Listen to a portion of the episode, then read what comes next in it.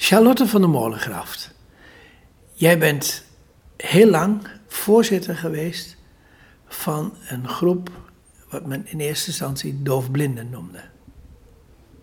Ja. En hoe lang was dat? Sorry? Maar Hoe lang was je voorzitter? Ik was eh, negen jaar voorzitter. En jij hebt zelf een, eh, een, een probleem, met, zowel met het horen als met het zien. Ja. Zowel het, het Usher-syndroom. Ja. Het Usher. Ja, heel veel mensen zeggen Usher. Ik zeg altijd Usher-syndroom. Oh, ja, ik hoor het van verschillende kanten, ja. Ja. Maakt ook niet uit. Het gaat om het probleem dat je slechthorend geboren bent. Slechthorend of dood zijn twee types. En dat je dan na de puberteit of tijdens de puberteit soms slechter gaat zien. Krijg je dus de retinitis pigmentosa erbij. Oké. Eh, eh, dat is dus heel specifiek. En eh, dat wij überhaupt dit interview kunnen doen, dat is omdat jij een implantaat in je oor hebt. Eh, ja, ik heb vroeger altijd hoortoestellen gehad, gewone hoortoestellen. De hele ontwikkeling meegemaakt van hele ouderwetse kastjes naar mooie, moderne, kleine oorhangertjes. En sinds die 2009 heb ik cochleair implantaat. En dat is een implantaat in mijn hoofd gezet met een slangetje naast via de gehoorzenuw naar de hersenen. En die eh, zorgen ervoor dat het geluid netjes omgezet wordt in wat ik nu hoor. Dus ze hebben, je- ze hebben jouw hoofd overhoop gehaald. Ja. Als je het zo mag zeggen. Maar eh, laten we maar even doorgaan op dat eh Usher of Usher-syndroom. Ja. Eh, ehm, het is erfelijk, hè? Dat is op een bepaalde manier erfelijk. Eh, het is niet zo dat je, omdat ik het heb, dat mijn kinderen het sowieso krijgen. Het heeft te maken met twee mensen die dragers zijn van een verkeerde gen. Die kunnen bij elke zwangerschap 25% kans hebben dat ze een kind met Usher krijgen. Ja, dat is ook, ook, eh, dat is, dat is meestal wat er gebeurt bij erfelijkheid. eh, dat is niet zo eh, vreemd. Nee, ja, ze noemen dat. Weet ik niet eens meer hoe ze dat noemen. Heeft een bepaalde term. Maar ehm, ja, soms, soms gebeurt het dat de kinderen het wel krijgen. Maar in andere vormen van ziektes dan. Hè. Ja, ja, Dus, en- Over het algemeen niet. Over het algemeen. Ja. En Usher, heb, heb je dat gemerkt dat het bij je eh, ooms en tantes of in de familie dat het ook voorkomt? De, mijn zus en ik zijn de enigen die dat hebben. Van de hele familie. En we hebben best een grote familie. Oh, En Dan- dan ik zijn jullie- dat uit laten zoeken tot drie generaties voor mij. En er is nergens iemand geweest die zowel slecht zag als hoorde. Oh, zo? Ja. Maar en, hoe- en hoe kan konden ze, daar ben ik wel benieuwd naar, hoe konden ze dat nou onderzoeken dan? Nou, ik ben, eh, even kijken, toen ik 24 was, werd mij verteld dat ik slecht zou gaan zien. Daarnaast, naast mijn slechthorendheid. Toen had ik gedacht, dan wil ik geen kinderen, want de ene eh, arts zei, let erop, je kinderen kunnen het ook krijgen. En de andere arts zei, nee hoor, dat slaat de generatie over. Dus heel veel doemscenario's. Ja, maar ook, ook dat artsen het gewoon niet wisten hoe, eh, eh, Nee, hoe het nee, werkt. Nee, want daar werd in de literatuur, medische literatuur, twee regeltjes. Wat het was en hoe het heette. Ja, dat hoor ik ook, ook over maculadegeneratie. Die Ja. krijgen artsen ook maar twee regeltjes Ja. of zo, ja. Ja, precies. Maar dan moet je dus echt naar een, eh, een, een deskundige op, op erfelijke ziektes. Ik ben via mijn huisarts in Radboud ziekenhuis Nijmegen terechtgekomen. Ja, en dan ben je op de goede Die plek. uitgezocht via een stamboomonderzoek. Want genetisch onderzoek was er toen niet. Dat Ja. had ik over 50 jaar terug. Oké. Dus uh, dat hebben we uit laten zoeken en dan moest je dus echt alle namen van al je voorouders opschrijven. En als er ergens een naam bij andere mensen met Usher-syndroom voorkwam, dan wist je dat daar ook iemand was. Nou ja, goed. ja, maar, maar, ja, maar, maar, maar, nu, eh, ten eerste is het al lastig om uh, uit te zoeken van uh, wie allemaal je voorouders zijn en wie er allemaal verbindenis mee hebben, met wie en wie getrouwd is. Maar hoe weet men dan uh, dat er iemand een Usher-syndroom heeft gehad? Nou, ze hebben natuurlijk een, een, een namenlijst van alle mensen die Usher hebben. In samenwerking met Amsterdam, die dat ook deed. Oh, je bedoelt die het nu hebben? Die het nu hebben. En, en, en, en dan ga je kijken namelijk of er een match is met een bepaalde familie. Oh, Ja, dat ergens die naam van mijn familie voorkwam in de na namenlijst van de andere persoon. Hey. Dat is, dat is de hond. Hè? Dat is de hond. Uh, je, je, hebt, je hebt twee honden, hè? Ik heb twee honden, ja. Een gepensioneerde geleidehond en een werkende geleidehond. Daar gaan we het ook straks nog allemaal over hebben. Maar wel even over jou. Uh, uh, uit wat voor nest kom jij? Wat, wat, wat deden jouw ouders? Wat, wat deden jouw grootouders? Um, nou, ik heb twee nationaliteiten in mijn lijf zitten. Mijn moeder, die komt oh, dat, uit is, een Indische familie. Ja, dat is zelfs in koninklijke bloeden is dat zo. Indo-familie. En mijn vader is een ras-echte Hollander. En Indo bedoel je uit Indonesië? En mijn, uh, ja, mijn vader ging toen na de oorlog, zeg maar, richting uh, Indonesië. In 46, geloof ik met de politie. En daar leerde hij mijn moeder kennen. En, en jouw moeder is dus een, een Indische, Javaanse of een... Nee, gewoon een Nederlands-Indische. Haar ouders zijn al half Indo en half Duits. En daar de ouders van. Dus mijn over-overgrootouders waren echte Indonesiërs en echte Duitsers. Ja, maar dan heb je nog veel meer bloeden. ja, er lopen. Ja, maar dat is dan de derde generatie voor mij. Ja. Dus je weet niet of die oesje namelijk uh, eventueel uit Indonesië of uit Duitsland komt. Dat kan ook nog. Dat kan, nou, ja, goed. Dat weten we niet. Denk het haast wel, want toen was de stelling 1 op de, 1 op de 100 toen en nu is het 1 op 70. 1 op de 100 mensen is drager wereldwijd. Dus dat, dat, is, dat is trouwens behoorlijk. Indonesië, ja. al haar zusters en broers hebben het niet. Van mijn vader precies hetzelfde, die hebben dat niet. Hm. Ja, mutatie. Maar goed, maar, maar dat is vrij veel, 1 op de 100 of 1 op de 70. Is nu tegenwoordig te onderzoeken.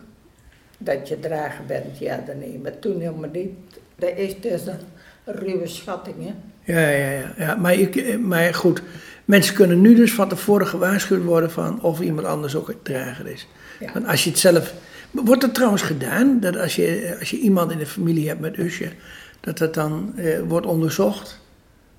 We hebben een tijd geleden, nou een lange tijd geleden, um, bloed afgestaan aan een Amerika voor een Amerikaans onderzoek. Om te kijken, mijn zus, mijn twee broers, mijn moeder. Uh, om te kijken over welk, welke genfout we het hadden. En dat is bij heel veel mensen met Usher gedaan. Wat daaruit is gekomen, ik heb, ik heb Usher 2A. En je hebt ook een 2B en een 2C en 1A en B en D hoeft maar een heel klein verschilletje te zijn in zo'n chromosoom, in zo'n gen. Ja, en, en, en hoeveel uh, mensen met oesjes zijn er dan in Nederland? Dat weet ik ook niet precies. Een paar honderd, 700, zoiets. Niet zoveel. We, zijn, we blijven een kleine groep. Nou ja, het is ook heel erg bijzonder. het is wel een bijzondere groep, een bijzondere aandoening. Ja, je zei trouwens dat eh, eh, doofheid, eh, of eh, slechthorendheid of doofheid is het eerste wat er is. Vanaf de geboorte. En later word je slechtziend. Ja, En dan krijg je dus eh, eh, retinitis pigmentosa. ja, Dus dan krijg je langzamerhand dat jouw, eh, de, de, de omgeving wegvalt. En, en nog eh, eh, eh, eh, ja dat in, het in, in het midden eh, het scherpe zien nog blijft. Scherper zien wordt steeds minder. Alles wordt veel waziger, ondanks de staaroperaties. Maar het veld wordt steeds kleiner. Je gaat Ja. steeds meer door een koker zien. Gelukkig hebben veel mensen binnen die koker nog scherp beeld. Ik heb dat al lang niet meer. Dat is heel blurred, heel...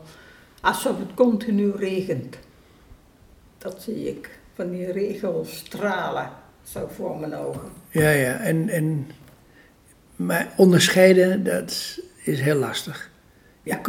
Ja, contrast ben ik kwijt, kleuren ben ik kwijt. Maar kun je nog wel objecten eh, Ehm, detecteren, nou, ik- zien? Jawel, ik kan dichtbij, binnen een meter. Verder dan een meter, dan wordt het al wazig. Dan dus je, ik kun- je kunt mijn hoofd wel zien. Ik kan je hoofd zien, maar dan Maar- heb je het ook helemaal mee gehad. Oké. Gok waar de ogen en de neus en de mond zit, maar die zie ik niet. Oké. En dan gaan we zo meteen weer verder.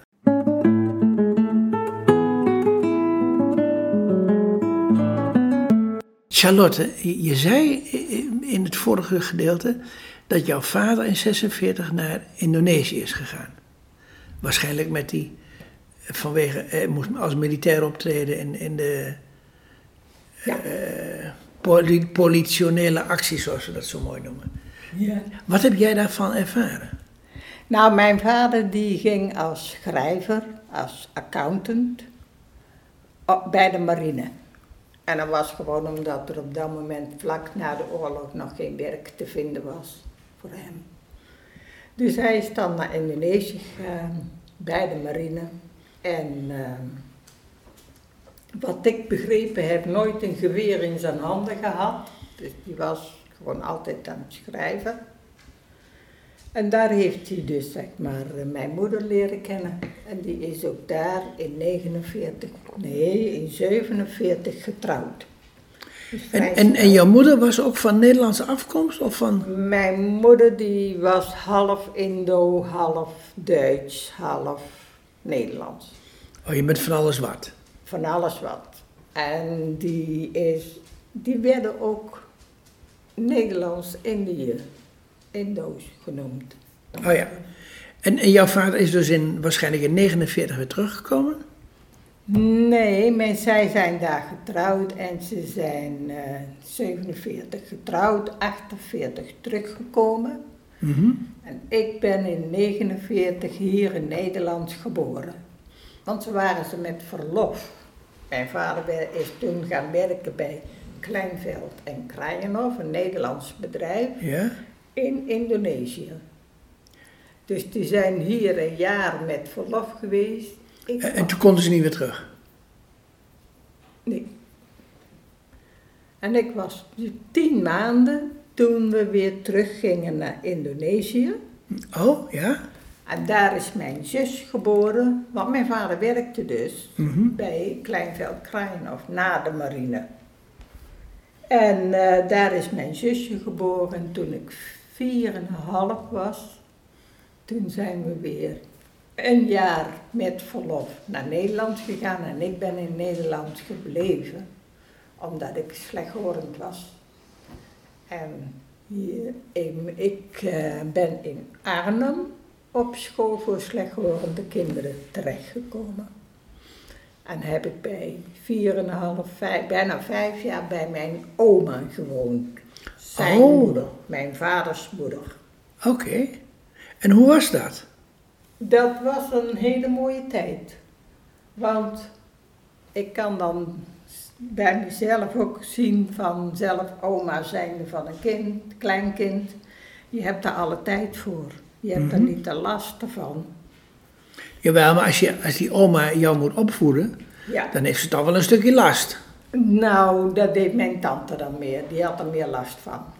Oh, dat was bij je oma en je tante. Ja. Bij mijn oma en mijn tante. Mijn tante was ook veel meer mijn zus dan mijn tante. We schelen maar 17 jaar. Oké. Dus ehm, ik heb daar bij oma's gewoond en dat heb ik als een hele mooie tijd ervaren. Want ik werd eigenlijk opgevoed met gewone, degelijke Hollandse normen en waarden. En waarom zeg ik dat? Ehm, toen mijn ouders terugkwamen in 59, ze mochten daar niet meer blijven, hè? Sukarno zette ze Die, die zetten ze, ja. ja. Toen ehm, had ik in één keer twee broertjes erbij. En ik was de oudste en ik moest dan alles moest leren delen. Ik moest eh, rekening houden met anderen. Dat had ik bij oma's helemaal niet. Dus dat was best wel een moeilijke puberteit. Moet ik zeggen. Denk ik niet met veel plezier aan terug. Want hoe oud was je toen jouw ouders terugkwamen? Bijna tien. Oh ja, dus vanaf je tiende tot je zeventiende. Ja. Eh, en, maar ik begrijp hieruit dat je het eigenlijk niet zo leuk vond om bij, eh, bij het gezin te horen. Eh, nee, ik was blij dat ze terug waren. En, maar het nadeel daarvan was dat ik te bang was om echt te puberen. Want stel je Mhm. voor, je ouders zijn al weggegaan, die gaan vast nog een keer weg. Die angst is heel lang gebleven en die heeft tot heel lang zelfs invloed gehad op mijn eigen huwelijk en mijn gezin. Wil je daar iets over zeggen? Ja. Nou, nee, niet echt. Ik was daardoor best wel eh, dik in de problemen terechtgekomen, psychisch gezien, emotioneel gezien. En ik heb daar drie jaar psychotherapie voor gehad, om dat stukje puberteit daar te laten liggen waar het hoort te liggen, ver achter mij. Oké, een beetje verlatingsangst. Ja. Ja, en niet zo zuinig, want dat was voor mijn man ook helemaal niet makkelijk geweest om vijf minuten te laat thuis te komen. Want dat was dus bonje, dat was dus, nee, daar kon ik niet mee handelen. Daar kon ik helemaal niet mee handelen. Heeft het er zelf mee te maken dat, want jouw man heeft mij van de trein gehaald Ja. en onderweg belde je. Heeft dat er nog steeds mee te maken? Nee, nee, nee. Daar was eerder van, hebben jullie elkaar wel gevonden? Want mijn man kent jou helemaal niet. Ja, ja. En die moest afgaan op drie signalen. Ja, eh, op zo'n station. Nee, nee, die, dat heb ik godzijdank al jaren niet meer. Die angst. Oké. Nee, ik En- ben en- vaak alleen, of vaak, ik ben tijden alleen thuis geweest omdat hij in het ziekenhuis lag. Moest ik het ook allemaal zelf doen. En dat ging gewoon goed. En, maar heeft jou dat ook gebracht om, eh, was het voor jou ook lastig om daardoor vrienden te maken en daardoor eh, eh, eh, verliefd te worden en dat soort dingen? Nee, nee. Wat dat betreft, ik wist toen nog niet dat ik slechte zou gaan zien. Hè. Mhm. Vind ik dus wel een heel groot verschil. Ehm, ik was gewoon verliefd op de ene, op de ander, op de derde. Gedurende mijn puberteitsjaren. Totdat ik mijn man eh, leerde kennen. En toen dacht ik van, die moet ik hebben. En ik heb hem. Heel resoluut. Nee. Maar eh, eh, je zegt nou van, was je er vanaf de geboorte al helemaal doof? Of, Ik was vanaf mijn geboorte slecht horen. En dat werd ontdekt toen ik twee jaar was, omdat ik niet ergens eh, goed op reageerde. Het grappige is dat ze dat pas zo laat ontdekte, omdat je dus wel alles volgde. Kijk, en als dan iemand mijn slaapkamertje binnenkwam, dan kwam een reep licht binnen. En daar Mhm. werd ik wakker van. ja, En ja. dan lijkt het net alsof het kind jou hoort. Hm. Dus, nou maar, twee jaar. En eh, dat is naarmate je ouder wordt wat slechter geworden. Maar de hoortoestellen werden beter, dus dat ving elkaar elke keer op. En dan merk ik van met die implantaten. Twee goede hoortoestellen hoorde ik nog geen 40% spraak verstaan, want daar gaat het om, hè? spraak.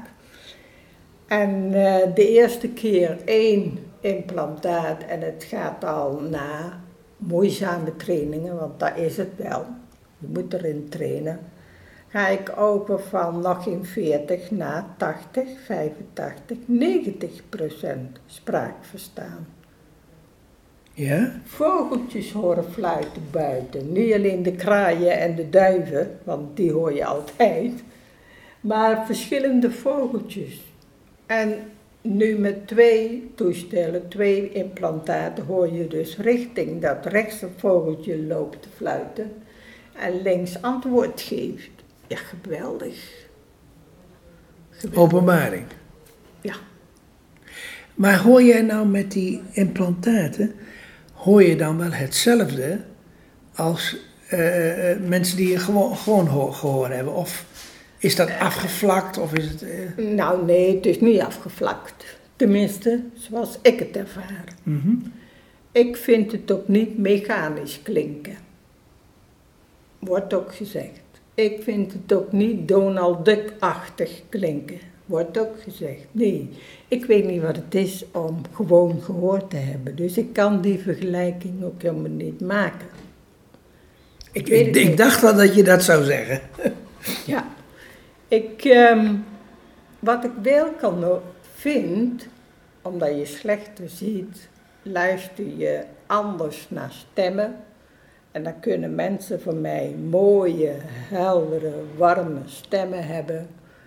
Maar ze kunnen ook eh, heksachtige stemmen hebben. Maar dat, kun je, maar dat dat, hoor dat, ik wel. Dat, dat kun je wel onderscheiden.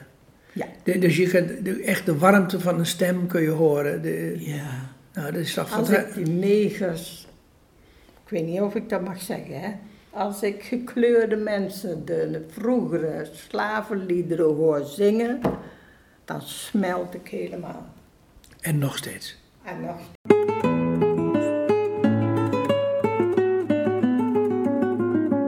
Charlotte, je zat dus op de lagere school, of in ieder geval, misschien de kleuterschool zelfs ook, maar de lagere school was je hier in- in Nederland. En eh, eh, dat was in een doofinstituut. Nee, geen doveninstituut. Maar op een school voor slechthorende kinderen. Dus dat waren allemaal slechthorende kinderen, geen dove kinderen. Ehm daar heb ik alleen de lagere school gedaan. Zowel in Arnhem als in Heerlen, want toen waren we ook weer verhuisd. Ehm, we kregen daar gewoon onderwijs, wat vakken betreft, hè, aardrijkskunde, geschiedenis, rekenen, taal, lezen, alles. Alleen daarnaast kregen we nog extra lessen in het leren luisteren. Stond de leraar of eh, lerares stond daarvoor met een boek voor zijn mond, voor de microfoon. Wij hadden allemaal verbinding via draadjes en toestanden met die microfoon van de leraar. En dan moesten wij dus goed luisteren en kijken, luisteren wat hij zegt en nazeggen. Dus dat is een hele... Oh, ze hield een boek voor, voor haar mond, zodat je niet de lippen kon lezen. Juist. Oké. Juist. En eh, daarnaast kregen we ook extra spraaklessen van, eh, van een logopediste voor de spiegel, de leer. Je moest leren de R zeggen, daarom is mijn R altijd heel duidelijk. Je moest leren de L op de goede manier, de tong te gebruiken. Zo, allemaal van die dingen. En dat deed je voor de spiegel. Maar, maar, dat is vanuit de veronderstelling dat je namelijk de, le- de onderscheid van de letters niet zo goed kunt horen. Ja. En dus ook niet goed kunt zeggen. Ja, maar als je ze niet kunt horen, kun je ze niet goed zeggen. Ja. Want als je het goed wilt zeggen, Ja. moet je het eerst horen. Ja, Toch? ja. Nou, en na die lagere school heb ik een gewone, tussen aanhalingstekens... Maar nee, nee, nou, nou, even, even op die lagere school blijven. Van de, want, Ja, oké, want- ik want- blijf op de lagere school. want- Ten eerste, vond je het leuk om daar te leren? ja, En, en, en hoe was dat nou om met allerhand kinderen te, eh, in de klas te zitten die ook slecht horen? heel beschermend. Niet, Heel te, niet te beschermend? We waren allemaal hetzelfde, we spraken allemaal duidelijk, we raakten elkaar aan als we iets wilden zeggen. Het was duidelijk, het was en beschermd. Ja, je kreeg van alles mee wat je mee moet krijgen. En, en hoe ging het op de, op de lagere school eh, eh, met jou? Kon je goed leren? Ik kon goed leren, die mazzel heb ik. Oké. En, en, en met jou, eh, met vriendjes en, en, en eh, vriendinnetjes ja, in de straat enzovoort. Kon je daar wel op een normale manier mee omgaan?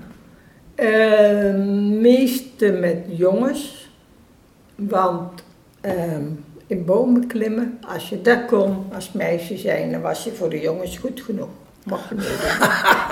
ja, Oh, prachtig. Dus eh, ik zat meer in de bomen dan op de grond. Ehm, meisjes, ja. Meiden zijn wat stiekemer. Is dat zo? Ja.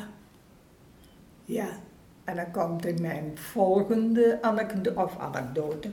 Ehm, de middelbare school was een meisjesschool. Daar heb ik kei en keihard moeten knokken om er te zijn.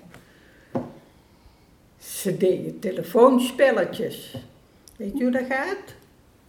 De eerste die fluistert in de tweede zijn oor en dan... Oh ja, en op het eind, wat, wat ik blijft er over? natuurlijk altijd als laatste gezet. Ja, Ja, dan eh, bleef er niks meer over. er bleef er niks meer over.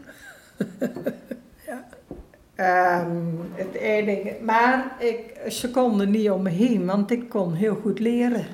Mhm. En ik had daar wel één vriendin, ben ik nog steeds bevriend mee na 60 jaar. Eén vriendin en ehm, ja, wij trokken samen op. Zij was ook een beetje apart. Ik was een beetje Maar op de apart. midden- op middelbare school, eh, eh, eh, daar, eh, eh, was een meisjesschool, maar dat was niet meer specifiek voor slecht worden. Nee, want die bestonden er toen nog niet. Oké, en, en, en, wel, en welke... eh, Eigenlijk vonden ze dat ik maar naar de huishoudschool moest om te leren, om een huis te onderhouden, een man zien te vinden, kinderen krijgen. Daar was ik goed dat is toch ontzettend praktisch, hè? Ja. ja. Maar, ehm, nee, de- en dat heette de MMS, Middelbare Oh ja. Meisjesschool. Ja. Nou man, eh Maar dat was toch op... op, op, op- jaar op gezeten. voor maar dat was toch zo'n beetje op het niveau van HAVO, eh, VWO? HAVO. Ja, Ja. Ja. Maar heb je je daar wel... Je moest vechten zijn, maar heb je je Ja. kop wel boven water kunnen houden? Ja, want die leraren, die waren niet gewend dat ze wel voor de klas moeten blijven staan. En dat ze altijd richting mij moesten praten, zodat ik de lippen kon zien. Oké, ja? Die gingen lopen. Dus op een gegeven moment ben ik ook maar achterna gelopen. ah, wat doe jij niet? Hij zei, meneer, ik kan uw lippen niet zien. Oh ja, Ja. oh ja. Dus dat was al knokken. Ehm, met gimmen ontzettend mijn best doen van, ik mag dan wel slechthorend zijn, maar ik kan beter rennen dan jullie. Constant, hè. Vier jaar lang. Maar betekent dat dat je altijd overal de beste in wilde zijn? Wilde zijn, ja. Was ik niet, natuurlijk niet. Kan Maar-. Maar wilde zijn, ik deed daar ontzettend mijn best voor. Aha. En het is me ook gelukt hoor, want eh, het heeft mij wel gevormd tot wat ik nu ben. Een strijdster. Ja. Het, het je niet onder laten drukken. Je niet onder laten sneeuwen. Je niet weg laten drukken. Nee, nee. Moet je niet doen. Maar je hebt dus op die MMS heb je dus eh, eh, de kattenkopperigheid van, van meisjes heb je leren kennen. Ja. Heb je daar voorbeelden van? Sorry? Heb je daar voorbeelden van? Voorbeelden van. Nou, dat, dat meisjes eh, eh, de kattenkoppen zijn. Nee, die kan ik niet zo noemen, want die liep ik gewoon eh, voorbij. Eh, mijn vriendin en ik. Maar dan was je wel zo krachtig om dat, om dat, om dat gewoon links te kunnen laten liggen. Ja. Oké. Ja. Dat was het makkelijkste eigenlijk, hè. Jawel, maar je moet het maar Er durven. werd mij, ook door thuis, werd mij gezegd dat ik onverschillig was. Een onverschillige iemand. Ze konden mijn binnenkant niet zien natuurlijk, maar dat uiterlijk had ik dus kennelijk, kennelijk. Maar je vond zelf van niet. Nee. Hoe was je dan wel? Sorry? Hoe was je dan wel? Hoe vond je, hoe vond je dat je zelf was? Nou, ik vond eh, mezelf best wel gevoelig. Ik vond mezelf heel sociaal. Ik was. ehm, ik had wel de neiging om te zeggen: verdien jij mijn aandacht, dan krijg je die. Je moet het wel verdienen. Zo'n secreet was ik nou ook wel. Ehm, nee, ik, ik had daar eigenlijk weinig last van. Nou, maar dan stond je behoorlijk stoer in het leven. En dan, eh, eh, en dan kan ik mij die. eh, daar kan niet zo goed die verlatingsangst bij, bij koppelen. Nee. Ik heb dat altijd, ehm, ja, het hoorde denk ik bij mij. Het. En ik denk dat dat komt doordat mijn vader, die had daar vertrouwen in mij, dat het mij zou lukken. En dan wilde ik hem bewijzen. Mijn moeder had daar wat minder, die stond er wat minder bij stil. Goh. Ja, maar. ehm, Nee, maar dan toen. was jij- Ik moet het wel terugzetten in die tijd van toen. hè. Jawel, maar je, maar je was toch best een, een, een, een, een, stoere meid die, die, eh, die er wel stond en die, die, eh, eh, die voor zichzelf opkwam. Ja, toen wel. ja. En dat is niet altijd zo gebleven. Nee, nee. Toen ik te horen kreeg dat ik ook nog blind zou worden, toen dacht ik dat ik niks meer waard was. Echt, ik wilde van mijn man af. eh, ik vond dat hij een betere vrouw verdiend had. eh, ik kon niks. Ik, kon niks. Dat gevoel had ik. Ik kon niks. Nou, met die ommezwaai, daar gaan we direct even verder over.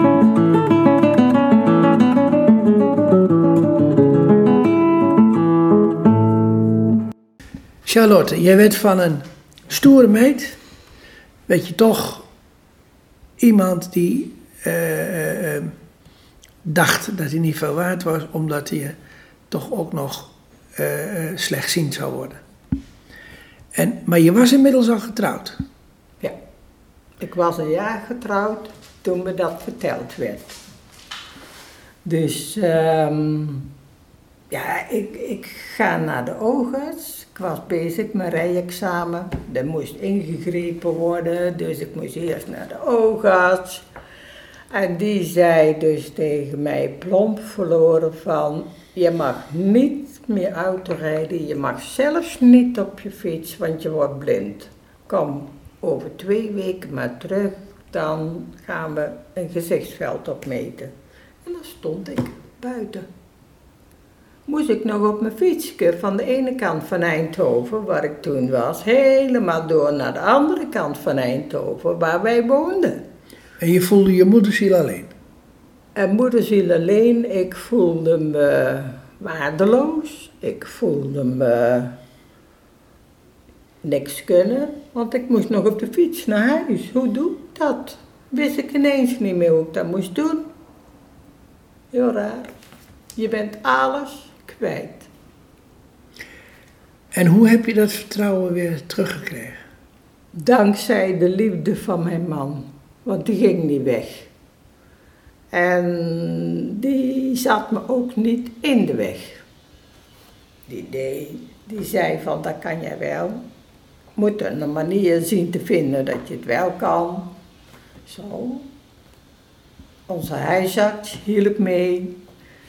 En, ehm, en er was ook sprake van dat ik dus geen kinderen zou willen. Wel willen, maar niet op de wereld willen zetten. En de huisarts heeft me toen doorgestuurd naar Nijmegen, uit laten zoeken. Ja, toen was het... eh, Over die genealogie, hè? over die gen, gen erfelijkheid. Ja, Ja. via de stambomen Ja. onderzoek. En je hebt daarna kinderen gekregen. Wat ben ik? Je hebt daarna kinderen gekregen. Ja, vier. Vier stuk zelfs. Vier prachtige kinderen. En je wou geen kinderen en als je daaraan begint, dan doe je het heel goed. Ja. ja. Nou, we wilden alle twee gewoon een groot gezin hebben. En eh, nou, vier zijn het er geworden. Eén meisje en drie jongens. Vlak achter elkaar, binnen vijf jaar. Hm. Leuke tijd, druk. Wel druk, hè, want je had dan wel twee. Maar, maar die zijn, jouw kinderen zijn wel waarschijnlijk wel drager van het gen, Ja, maar ze hebben het niet. ze hebben het niet. Geen van vieren. Kijk, twee mensen hebben een bril. Maar ja, mijn man heeft dat ook. Dus Ja, eh, goed. eh, tellen we niet mee. Ze horen alle vier goed. Toen als kind hadden ze wel eens last van Oost-Indische doofheid. Welk kind heeft dat niet? Ehm, vooral ja, in- in. Oost-Indisch. Maar een dochter van jou zit in Frankrijk en die is directeur van een doofblindeninstituut. dat klopt. Hoe komt dat? Nou, die wilde gewoon, nou die is SPH, Sociaal-Pedagogische Hulpverlening, eh, doen na de, na de middelbare school, VBO. En eh, die kon stage lopen op Calorama, dat is een eh, verpleeghuis voor ouderen doofblinden. En ja, zo is dat eigenlijk voor haar goed, goed tot haar leven geworden. Van, eh, nou, dit wil ik doen. Doofblindheid. Op Kentalis gaan werken binnen de doofblindheid. Maar is dat ook gekomen omdat, omdat jij het- Oesje-syndroom hebt? Ja, Toch wel. ja. Ja, ze ging ook altijd met mij mee naar bijeenkomsten toen ik dat eenmaal door had dat ze bestonden. En ze vond het altijd wel leuk. Plus dat ze andere kinderen leerde kennen van ouders die Usher hebben. En daarmee in gesprek ging, ervaringsverhalen en ja, Maar met Usje zit je natuurlijk met een, eh, eh, met een diverse problematieken Ja. van communicatie. ja, Want, eh, want wij kunnen nu door jouw implantaat, kunnen we namelijk wel met elkaar spreken. ja, Maar er zijn ook gevallen waarbij je namelijk. eh, eh, eh, eh, er, zijn een aantal mensen die namelijk helemaal doof en helemaal blind zijn. ja, gelukkig maar heel weinig. Heel weinig, hè? Ja. En heb jij een beetje een idee hoe dat werkt eh, met de communicatie met deze mensen? Nou, ik eh, persoonlijk heb ik twee, drie mensen gekend die nou helaas niet meer leven. Maar daar was zeker eentje, die stond zo in het leven. Onge Daar heb ik ook veel van geleerd. Hè? Die zag dus niks, die hoorde helemaal niks en die ging gewoon met zijn hand overal. Oh, ik heb hier een bos haren in mijn hand.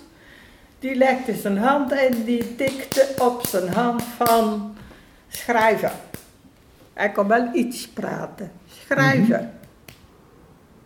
Ja, en dan staan die mensen in eerste instantie eens een beetje raar te kijken en eh begeleidster zegt van je kunt blokletters in zijn hand schrijven. Nou, binnen een half uur waren die twee in gesprek. Jong, oud, maakte niet uit, hè. Mhm. Gewoon door zijn extravertheid, door zijn openheid hierin.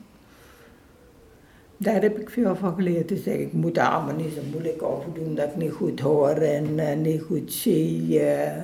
heb een beetje aandacht voor me, dan moet dat gewoon lukken. Gebaren heb ik geleerd om met mijn doel, eh, met mijn lotgenoten, deelgenoten noemen wij ze, om daar ook mee te kunnen communiceren. Moet niet allemaal via de tolk. Want ik ben er dan eentje van, eh dat wil ik zelf doen. Ik leer, ik nog steeds aan het leren. En, en hoe communiceer jij met, met eh, je, je schrijft hoofdletters in de hand? Ja. Of heb je ook nog iets anders nog? En ja, je hebt ook vingerspelling. Ja. En dat is dat de handvormen een bepaalde vorm hebben in de lucht voor mensen die nog goed kunnen zien. Mhm. En die leg je in de hand. Eh, en dan, dat kost heel veel tijd.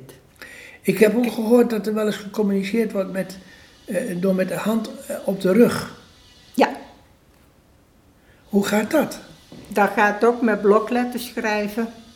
Maar meestal en bepaalde tekens dat je dan ontwikkeld hebt van eh, de menigte lacht nou. En dan ga je met je hand in een C-vorm zo van een vorm van een lach over je arm of over je rug. Ehm, tekeningen op je rug om te schetsen. Zo ziet de ruimte eruit. Daar is die deur en hier staan tafels en daar staan stoelen. En hier zit een mevrouw die praat. Zo. En wordt dat ook een taal, net zoals de gebarentaal? Dat op de rug schrijven. Ja? Haptic communication heet dat. Haptic communication. Wat er nou... Jij bent er zelf ook vaardig in? Sorry? Jij, jij, jij kunt dat zelf ook? Ik kan dat zelf ook. Maar ik ben daar niet secuur genoeg in. Ik ben... Dat laat ik liever de tolk doen. Ik wil veel zelf doen, maar niet alles. Mhm. En het, het afvoelen, dat lukt mij wel. Oké. En hoe was jouw tijd als eh, voorzitter van de, zeg maar, de Doofblindenclub, Ja. wat, nu Oor en Oog heet? Ja. Ja, leuke tijd. Leuke tijd. Ik had ook hele leuke teamleden om me heen die samen met mij ervoor knokten om onze dubbele beperkingen goed, goed op de kaart te krijgen binnen de oogvereniging zelf, want alles gaat om ogen. En dan moesten wij regelmatig roepen, ho, ho, ho, leuk, dat piepje, maar dat horen we niet. Kunnen we daar niet iets anders voor bedenken? In gesprekken met de NS, in gesprekken weet ik veel waar. Leuk, leuke mensen waar ik mee samenwerkte. Ehm, het was mijn passie.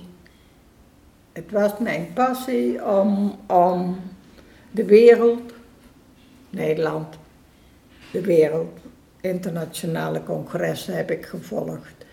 Om ze te laten zien dat wij gewone, normale mensen en een beetje aandacht wat spraak betreft.